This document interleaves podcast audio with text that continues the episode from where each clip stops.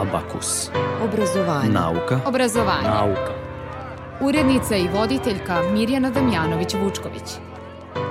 Za Abakus govore profesor na Fakultetu tehničkih nauka Vlado Delić. To fundamentalno široko obrazovanje je bilo aktuelno unazad par decenija. Sada se više ide ka tome da e, se ljudi snalaze u mnoštvu informacija kojima su okruženi. Dina Đilas, vlasnica privatne škole Tvrđava. Ne može biti isto obrazovanje pre 30 godina kada sam ja išla u školu i sada, jer i životi naše dece su potpuno drugačiji. Tamara Adamov-Petijević, dirigent horova i simfonijskih orkestara. Čuveni violončelista Stislav Rostropović rekao, ovaj, pred kraj života su ga pitali šta bi još voleo da, da radi u životu. On kaže da ponovo bude nečiji učenik. Profesor na Prirodno-matematičkom fakultetu Srđan Rončević. Tad su već u nekim buntovnim godinama i onda se susretnu sa nekim strašnim hemičarima i hemičarkama i onda čim nešto ne razumeju stvaraju odmah već revolt.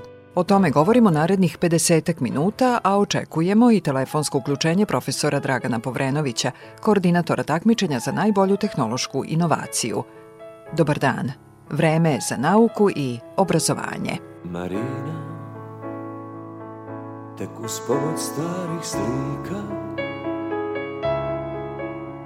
Još mogu Da se setim tvoga lika. I bude se tad Neki nemir i zli. I drugovima pričam Da si moja bila ti Sav pijan. O te laži ko dobrog rumenog vina Marina Ti si bila moja plima. Marina Svetlo tama, leto, zima. I verujem još U tome je spas. I često tako smišljam neki život za nas. A tada Javi mi se stvarnost setno ko violina Marina Ja još iste pesme pevam. Marina Ja još iste snove snevam. Iz ničega smeh još stvoriti znam. Na kraju svake pesme ipak ostanem sam čujem kako šumi more iz daljine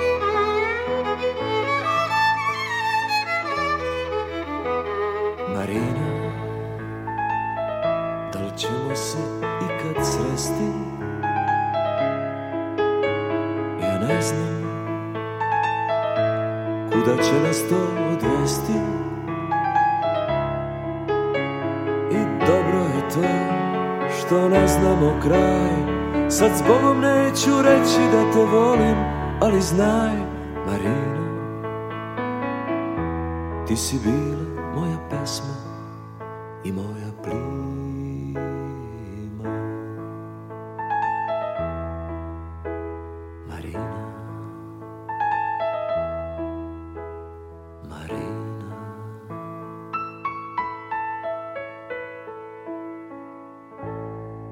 Na sajtu Novosadskog fakulteta tehničkih nauka u biografiji profesora Vlade Delića, redovnog profesora na tom fakultetu, osim ostalog piše – Doprineo je izgradnji nekoliko novih predmeta iz oblasti obrade signala, akustike i audiotehnike, govornih tehnologija, kao i veštačke inteligencije, koji se sada predaju na više oceka na FTNU. Okupio je tima mladih stručnjaka i sa njima izgradio poziciju lidera u razvoju i primeni govornih tehnologija u regionu južnoslovenskih jezika. Za Abakus govori o obrazovanju. Sa širim krugom obrazovanja sve se više otvaraju i širine i horizonti nekih novih potencijalnih saznanja, a i vreme u kome živimo je tako da ko prestane da se edukuje i obrazuje i prilagođava novim, novom vremenu, sigurno e, će to osetiti na loš način. Tako da, prosto tu je vrlo eksplicitan odgovor da se učiti mora nastaviti e, tokom celog života i tu nema dilema. Oni koji imaju šire fundamentalno obrazovanje, sigurno će moći mnogo lakše da kroz neke kurseve, kroz neke nove oblasti koje, u kojima se obrazuju da napreduju, e, nego oni koji nemaju to široko fundamentalno obrazovanje i to je ono čega se pribojavam da će se e, ovaj, odraziti u nekoj perspektivi, jer sada e, su novim generacijama učenika pristupačne sve širi, da kažem, izvori informacija i oni dosta površno ulaze u svaku od oblasti i nemaju to fundamentalno obrazovanje, tako da njima neka značajnija promena pravca e, rada obrazovanja predstavlja ozbiljniji problem u tom smislu. Mada, e, s druge strane, su oni prilagodljivi i opet će površno i lako ući u svaku novu oblast. Tako da, e, dobro je jedno i drugo. Imati i široko obrazovanje i biti, e, da kažem, vešt u snalaženju u mnoštvu informacija koje imamo oko sebe, a to su, da kažem, neke dve paradigme obrazovanja koje su postojale. E, to fundamentalno široko obrazovanje je bilo aktuelno unazad par decenija, sada se više ide ka tome da e, se ljudi snalaze u mnoštvu informacija kojima su okruženi, ali, kažem, ipak nekako mislim da će se bolje snaći i dublje ući u problem ako imaju to dobro i široko temeljno obrazovanje. Nauka, obrazovanje, obrazovanje, nauka, nauka. obrazovanje. Abakus.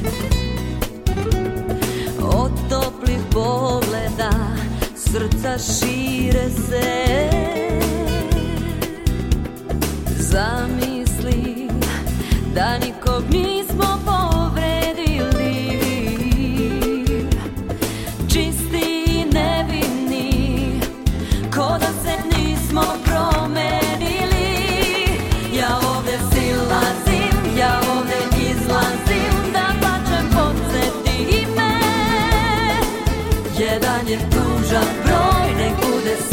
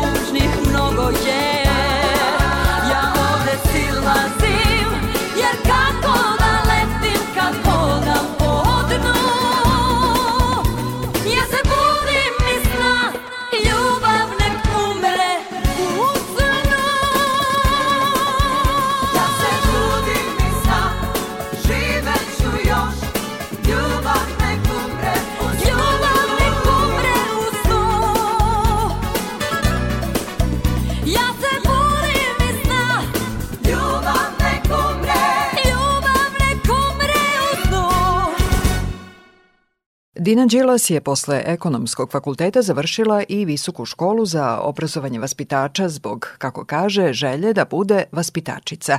Godine 2002. otvorila je privatni vrtić u Novom Sadu, a septembra 2015. i privatnu osnovnu školu, koja te prve školske godine imala 10 đaka.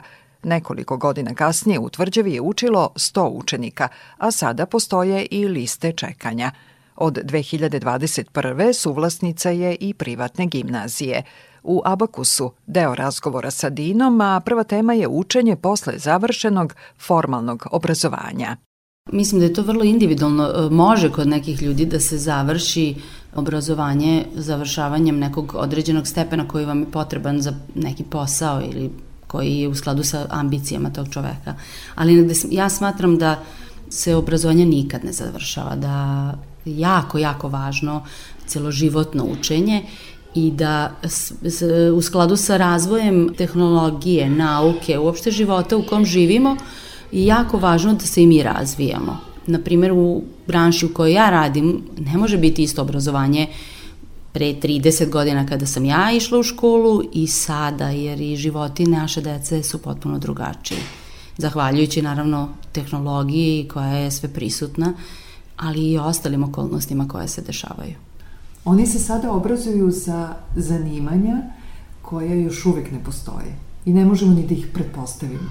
Mm, moje mišljenje je da deca treba da se obuče da budu prilagodljiva. To nam je najveći zadatak. A to znači da su spremni, da imaju određeno znanje, ali da su spremni da se prilagode novonastalim situacijama zato što mi ne znamo kakve će to biti situacije u kojima će se oni naći nakon školovanja. E, ne znamo mi za koje poslove spremamo decu u današnjim školama. E, pa iz tog razloga je jako važno da su deca uh, sposobna da se brzo prilagođavaju, da su otvorena za promene, da imaju kreativno razmišljanje, kritičko i kreativno razmišljanje razvijeno kako bi mogli da prepoznaju i svoje potencijale i situacije koje se dešavaju i stavljaju pred njih i da prepoznaju put kojim treba da idu. Bojim se da negde druga krajnost je lako odustajanje kod današnje generacija i da ih treba bodriti da treba da se, da, da se bore i da istražuju kako sebe, tako i okolinu i da idu napred. Predrasude privatno i državno obrazovanje. Da, nažalost, kod nas još uvek postoje jake predrasude i, i jasno je meni zašto se to dešava, ali eto, moj zadatak i zadatak mojih kolega koji rade u privatnim školama je da pokažemo da nema potrebe za predrasudama.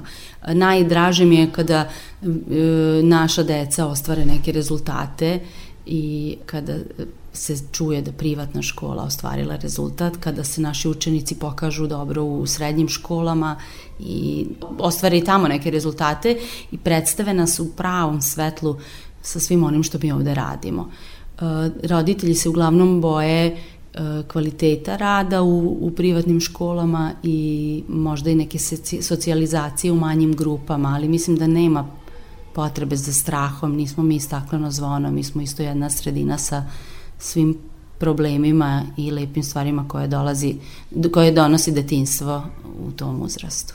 Vaši razredi koliko imaju đaka? 14, ajde da kažemo, 14 je neki maksimum, 14-15 je maksimum u podeljenju, što može da zvuči da je malo u, u odnosu na ono kako smo mi odrastali, ali sa druge strane mislim da je socijalizacija u našem malom sistemu malo drugačija, možda više liči na jednu uh, porodičnu socijalizaciju gde svi moramo naučiti da živimo i radimo jedni sa drugima, da li se dopadamo jedni drugima ili ne, to u tom trenutku nije tako bitno, a to je nešto što nas sprema onda, odnosno njih, za neki život i rad u, nek, u budućim poslovnim zajednicama, kao i na poslu kad ne birate baš sve kolege. Deca ovde provode više sati u odnosu na osnovnu školu. Tako je, deca su ovde u školi od 8 do 4 i od 8 do 4 nije isključivo nastava, nego postoji razne druge van nastavne aktivnosti i slobodno vreme koje se bave njihovim talentima interesovanjima, ali i pružuju prostor za socijalizaciju i... Imaju obroke? Tako, tako je, imaju obezbeđene obroke, doručak, ručak i dve užine i obroci su sami po sebi isto vrlo zanimljivi delovi dana kada oni isto uživaju u druženju sa svojim drugarima. Domaći rade kod kuće ili u školi? Domaći rade u školi, u višim razredima, negde, da kažem, sedmi, osmi sigurno, a možda i šesti, takav je plan i program da imaju puno časova, pa ne mogu sve postići, ali ono što je nama najvažnije je da na e, času stvarno nauče 80% i da to kod kuće, taj rad kod kuće u višim razredima nije sati i sati iznad knjige, nego je e, ponavljanje, vež, uvežbavanje i prisećanje onog što su radili u školi. Ono što je meni jako važno, pored tog obrazovnog dela, Eh, je da, da deca koja izlaze iz eh, naše škole budu dobri ljudi. I ja uvek kažem, džaba vam sve petice ako niste dobri ljudi, jer e, biti čovek e, znači poznavati sebe, poštovati sebe i poštovati i druge. I ta zajednica u kojoj mi ovde živimo i radimo je izuzetno važna i meni je jako važno da oni rade na sebi, ali da pomažu drugima. Za Radio Novi Sad je govorila Dina Đilas. Slušate Abakus, emisiju o nauci i obrazovanju. Istina, istina je cela, u jednu suzu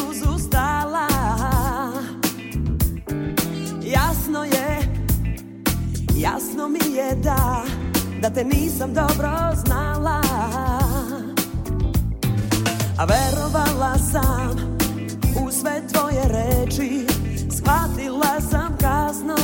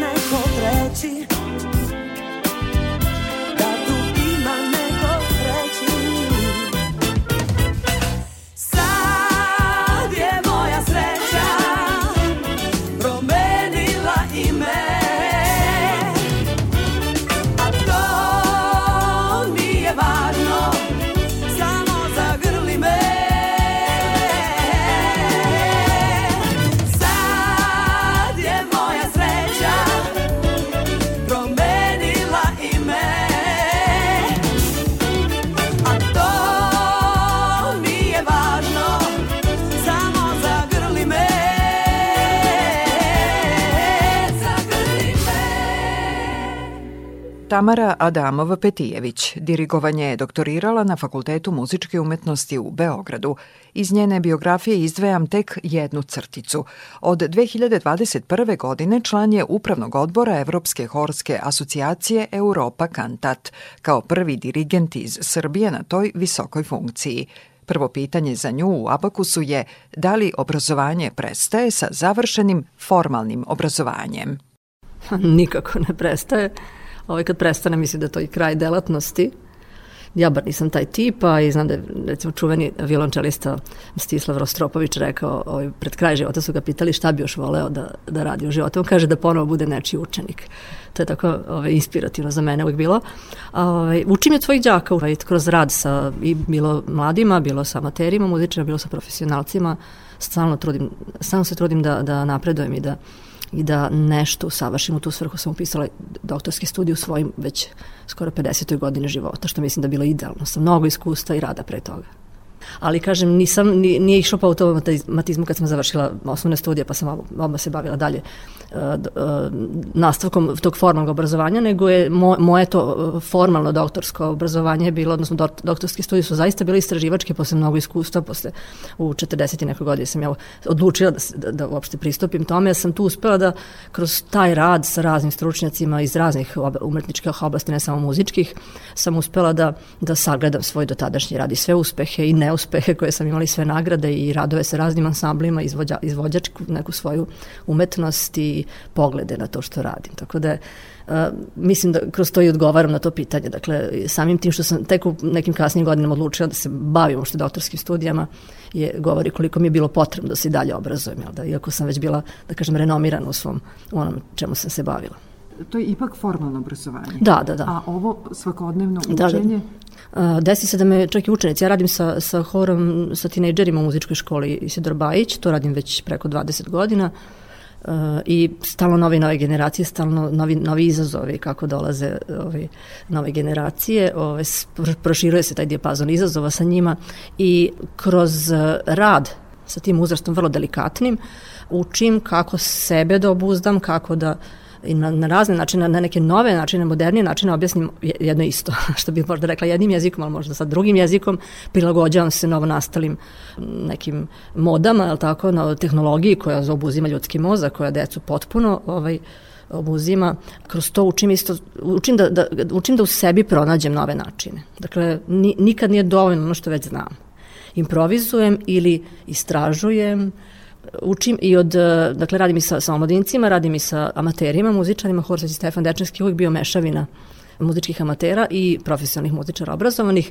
Tako i ta kombinacija učimo jedni od drugih. Oni od mene, ja od njih, e, čak i od muzičkih amatera, dakle, nači, opet me oni inspirišu kako da nađem načine da njima dočara muziku, dakle neformalno, tako ne može formalno, ljudi koji sjajno pevaju, koji imaju izuzetan talent i veliko interesovanje za to što rade, ali nemaju formalno muzičko obrazovanje. Dakle, drugačiji pristup kako da njih obučim da dobro pevaju, da bi rezultat na koncertima ili na bogosluženja bio sjajan.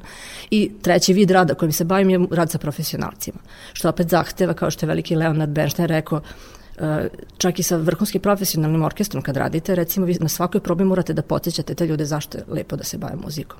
Dakle, ne samo na koncertu da ih inspirišete, nego na probi. To je teret koji dirigent nosi.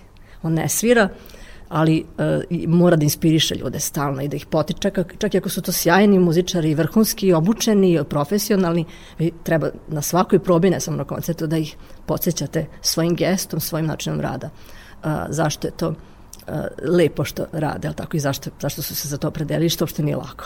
Svakom će se da učini. E, tako da, da to je jedan neprestan proces, a, način je to sad, to što sam rekla, to je ono šta treba uraditi, a kako to uraditi, to se menja s godinama, to se menja s iskustvom, to se menja u različitim okruženjima u kojima živimo, zavisi kako je vreme u pitanju, kada je bilo vreme pandemije, bila su specifični izazovi i tu smo učili kako sad to da radimo. Dakle, tu sam, sve, sve ono što sam do tada naučila palo vode, odjednom nismo smeli da se bavimo time što znamo, nismo smeli da sviramo i da pevamo. E, tako da, e, mislim da to neki, kroz proces rada učim, kroz proces rada stalno učim i, i radeći s ljudima, stalno radim s ljudima. Stalno sam s ljudima, nikad nisam četiri zida skoro.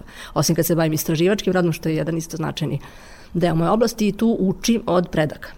Jako mnogo se može naučiti poručavajući rukopise, i objavljene i neobjavljene e, ljudi koji su pre mene stvarali u raznim epohama od srednjeg veka pa na ovom. Obrazovanje. Nauka. Obrazovanje. Obrazovanje. Nauka. Nauka. Obrazovanje. Abakus.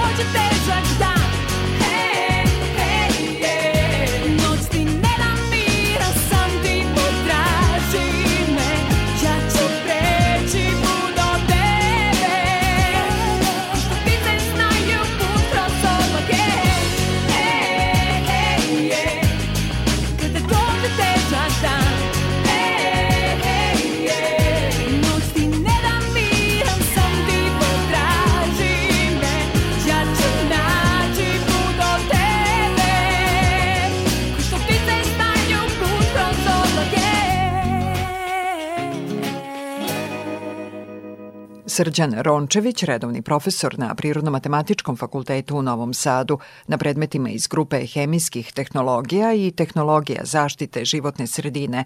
Za Abakus, osim o ostalom, govori o učenju. Učenje nikad ne može da prestaje jer količina znanja se stalno uh, povećava i problemi koji nastaju su stalno novi i mi moramo onda da imamo ovaj, nova znanja i nove pristupe tome. Tako da formalno obrazovanje zapravo samo čoveku daje neku osnovu i uči ga na koji način može da dođe do informacije, da primeni informaciju i da reši problem.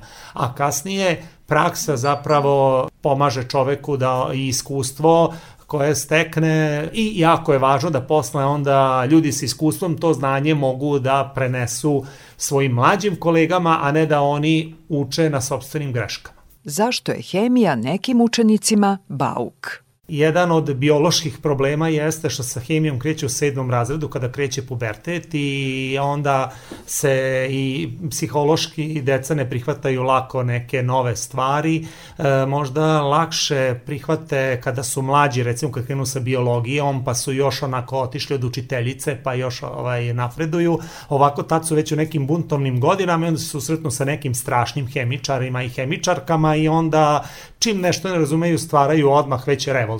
Sa druge strane, naravno, nije ni laka nauka i treba redovno učiti i najveći problem je ako se izgubi kontinuitet, onda kasnije je jako teško nadograditi to.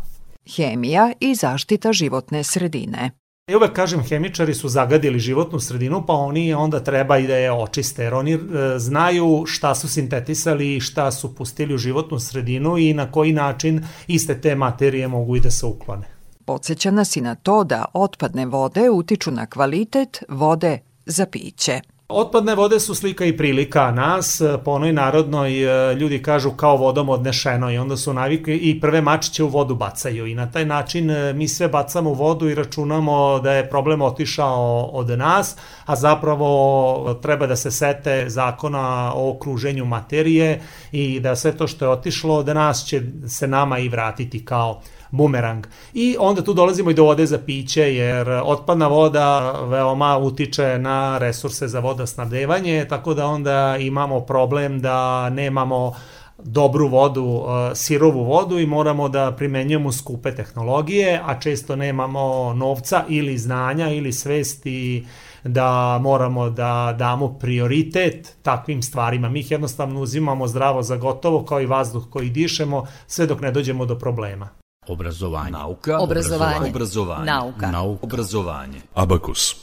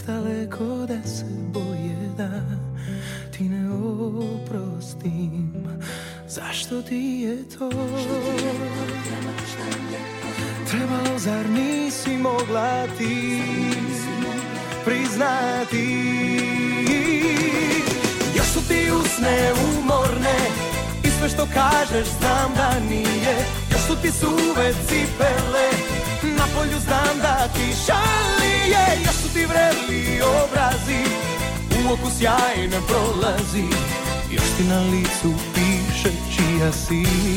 Samo moja nisi Još su ti usne umorne I sve što kažeš znam da nije. Još su ti suve cipele Na polju znam da kiša lije Još su ti vreli obrazi U oku sjaj ne prolazi. Još ti na licu piše čija si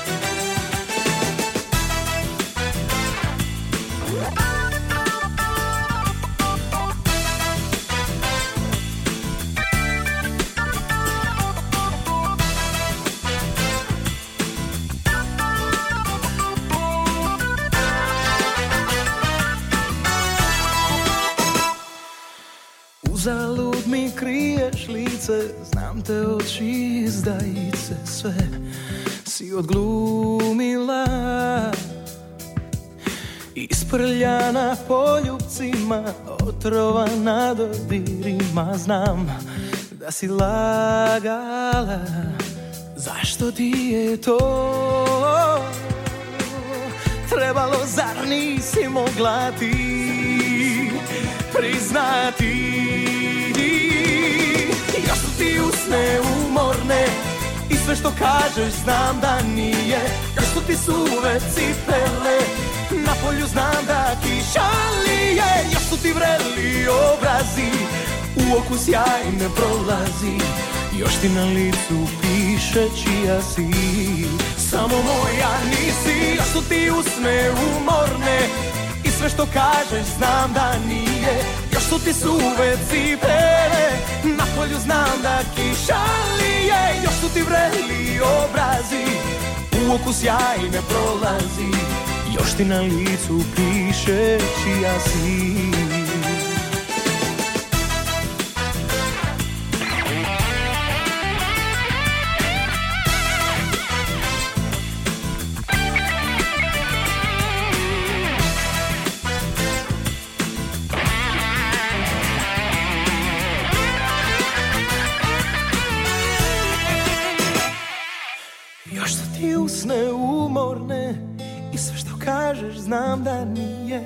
su te zuve cipele Na polju znam da kiša lije Još su ti vreli obrazi U oku sjaj ne prolazi. Još ti na licu piše čija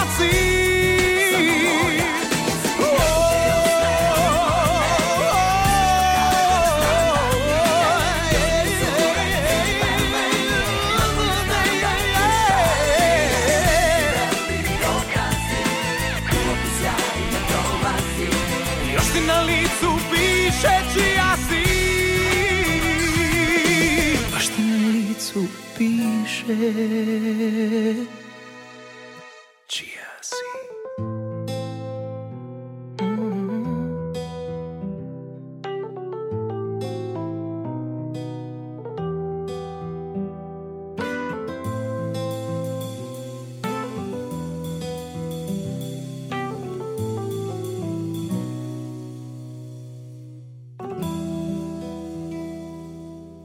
Otvaranjem konkursa, odnosno pozivom za prijavu na takmičenje, počelo je ovogodišnje takmičenje za najbolju tehnološku inovaciju, ali da se sada ne uplaše oni koji se još uvek nisu prijavili, a voleli bi ili imaju nameru to da urade, nisu još zakasnili.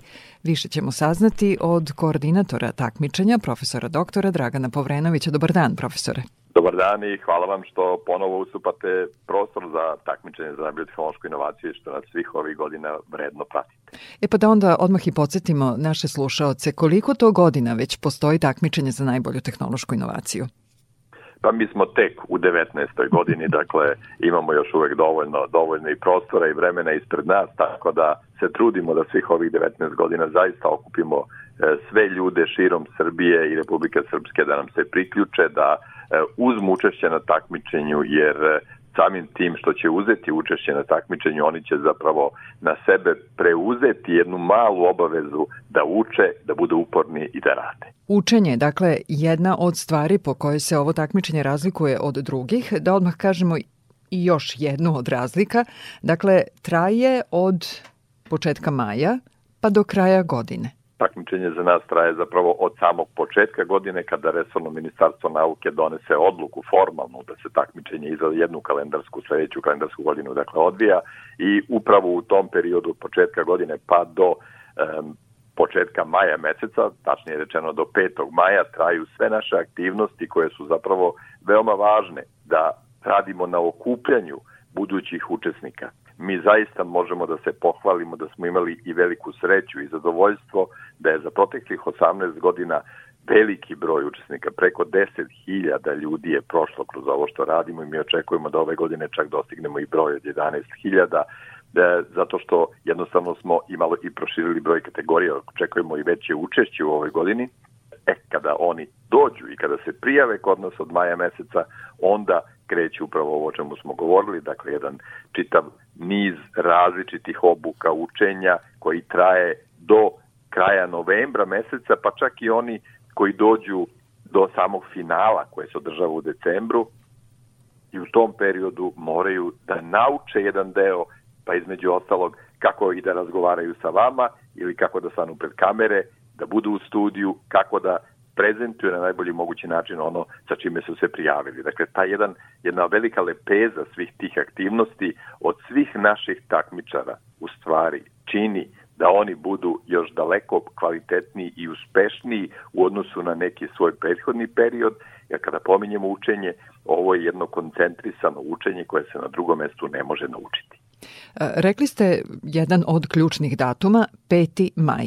Dakle, do 5. maja mogu da se prijave zainteresovani za ovogodišnje takmičenje za najbolju tehnološku inovaciju i da kažemo na koji način. E, kao i svih prethodnih godina, dakle, izlaskom na sajt inovacija.org, dakle prosto srpski rečeno inovacija.org, oni mogu naći sva uputstva, formulare, kako da se prijave, dakle prijavljuju se putem interneta, potrebno je samo da imaju dakle neku realizovanu inovaciju o kojima govorimo u ovom trenutku, da je opišu da prijave članove svog tima, a to je jedini uslov koji postavlja na vašem takmičenju, to je da imaju tim od najmanje tri člana, on naravno može biti i veći, i da nakon toga kada se prijave, uđu u taj naš sistem, onda su oni sa nama u komunikaciji i ostaće i dalje sa nama u komunikaciji bez obzira kakav rezultat postignu, jer i od 2005. godine kada smo krenuli sa prvim takmičenjem pa do dana današnjeg smo mi u komunikaciji sa svim našim prethodnim učesnicima. E, početni nagradni fond? Pa, e, ja sam u ovoj godini odlučio da govorim da je početni nagradni fond beskonačan. Pošto je ovo jedan državni projekat, pa je samim tim i e, taj nivo sredstava uvek ograničen, međutim, i on zaista za ovaj, za kategoriju inovativnih ideja iznosi 5 miliona dinara i za inovos, inovativno selo koje je takođe jedan, jedna nova kategorija koju smo prošle godine uveli e, ulazi u taj određeni krug, međutim ono kada kažemo da je nagradni fond beskonačan, upravo se svodi na to da svi oni koji su prošli kroz ovo što radimo stiču takvo znanje da već u sledećem koraku mogu napraviti takve tržišne rezultate i samo od njih zavisi koliko će na tom tržištu biti nagrađeni. Zaista imamo mnoge lepe primere koji su pokazali da čovek ili ceo tim koji dakle prođe kroz sve ovo nauči kako da bude spreman da izađe na tržište sa svojom inovacijom s jedne strane, nauči kako da možda pristupi i nekim fondovima koji su sa značajno većim sredstvima nego što je sam fond na takmičenju. A na inovacija.org može da se pročita kao jedan od rezultata do sada održanih 18 takmičenja za najbolju tehnološku inovaciju i koliko je to novo osnovanih kompanija kao rezultat te inovacije koja se našla na tržištu. Ko su organizatori takmičenja, mada ste vi već u jednom delu ovog našeg razgovora i spomenuli? E, kao i svake godine, dakle, resorno ministarstvo nauke, odnosno vlada Srbije je pokrovitelj takmičenja i ona obezbeđuje sredstva da se ovo takmičenje realizuje i sredstva za nagradni fond. E, takođe smo u takmičenju uključili i naše institucije od Privredne komore Srbije, od e, Fonda za inovacijonu delatnost, od Republičkog zavoda za intelektualnu svojinu, od Zavoda za e, standardizaciju Sve su to dakle institucije kao i mnoge druge privredne subjekte, da ne pominjem dakle druge medije koji su sve ovo uključeni, ali ono što dakle čini jezgro ovog našeg organizacijalnog tima, to su dakle e, članovi tima sa Fakulteta tehničkih nauka u Novom Sadu i sa mog tehnološko-metalurškog fakulteta u Beogradu. Sada pozivamo da se prijave zainteresovani za realizovane inovacije. Da li je takmičenje u drugim kategorijama već u toku? Spomenuli ste inovativne ideje, to je takmičenje za studente i srednjoškolce. E, mi smo upravo od početka godine dakle, imali e, tri kategorije u kojima smo pozivali naše ljude da se prijave.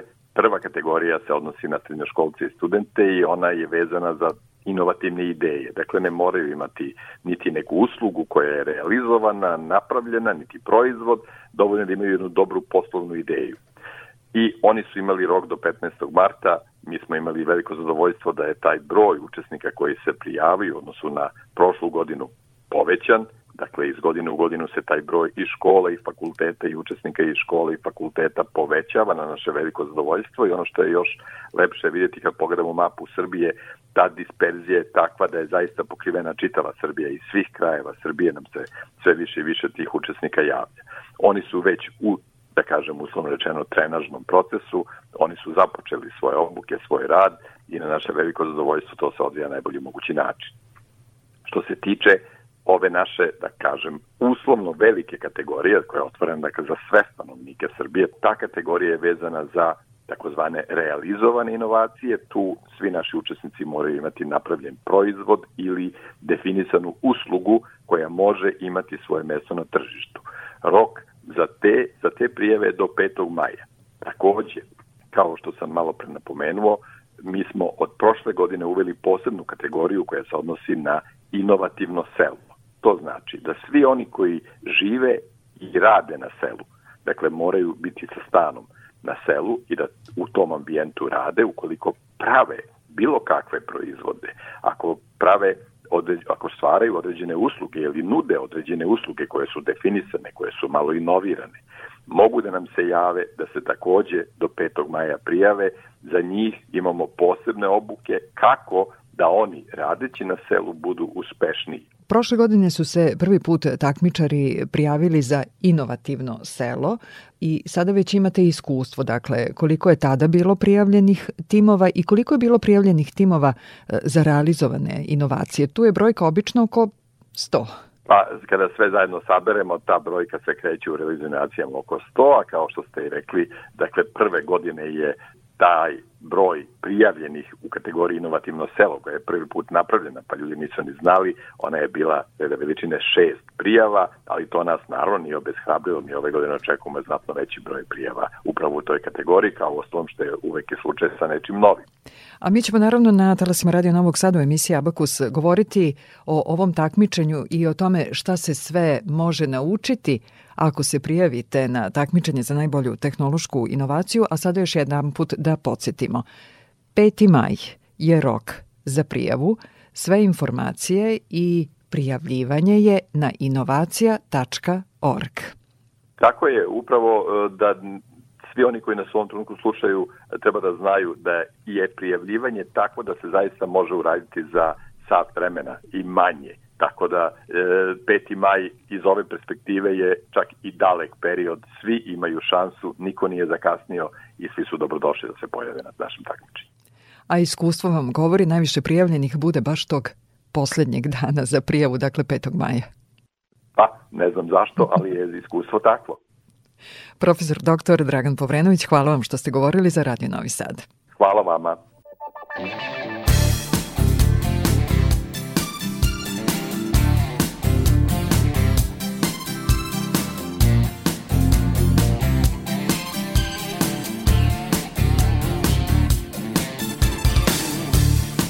Noćas je kraj, osjećam, nestaje sjaj u očima, gledaš me kao da mi govoriš.